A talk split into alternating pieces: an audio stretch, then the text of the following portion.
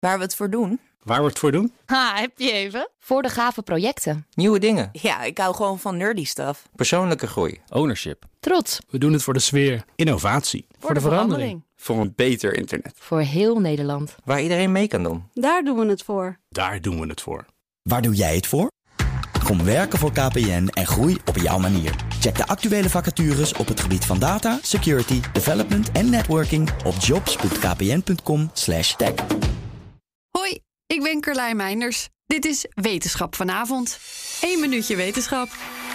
De Quetzalcoatlus heeft een spanwijdte die even lang is als een dubbeldekkerbus. Het is het grootste dier dat ooit gevlogen heeft. Maar hoe hij dit deed, dat was lange tijd een raadsel. Lang lukte het experts niet om erachter te komen hoe het een gigantische dino met vleugels, eentje zo hoog als een giraf, lukte om de lucht in te komen. Een team van onderzoekers aan de Universiteit van Texas denkt het antwoord nu te hebben gevonden.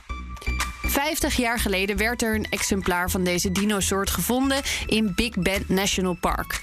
Maar veel onderzoek was er tot voor kort niet naar de botten gedaan. Nu zijn de botten alsnog grondig bestudeerd.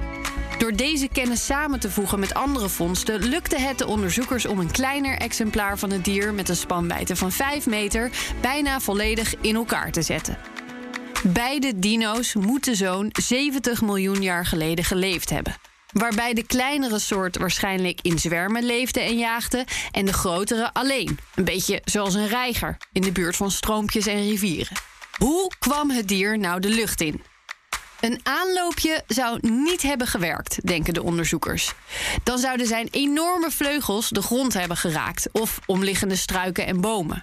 Het moet zijn gelukt dankzij zijn twee enorm sterke poten. Daarmee zou hij eerst zo'n 3 meter omhoog de lucht in zijn gesprongen, om vervolgens die enorme 10 meter brede vleugelpartij in actie te laten komen. Is één minuutje wetenschap niet genoeg en wil je elke dag een wetenschapsnieuwtje? Abonneer je dan op Wetenschap vandaag. Bij BNR ben je altijd als eerste op de hoogte van het laatste nieuws. Luister dagelijks live via internet. Bas van Werven. En heel langzaam komt de zon op rond dit tijdstip. Je krijgt inzicht in de dag die komt op BNR, het Binnenhof in Nederland en de rest van de wereld. De Ochtendspits. Voor de beste start van je werkdag. Blijf scherp en mis niets.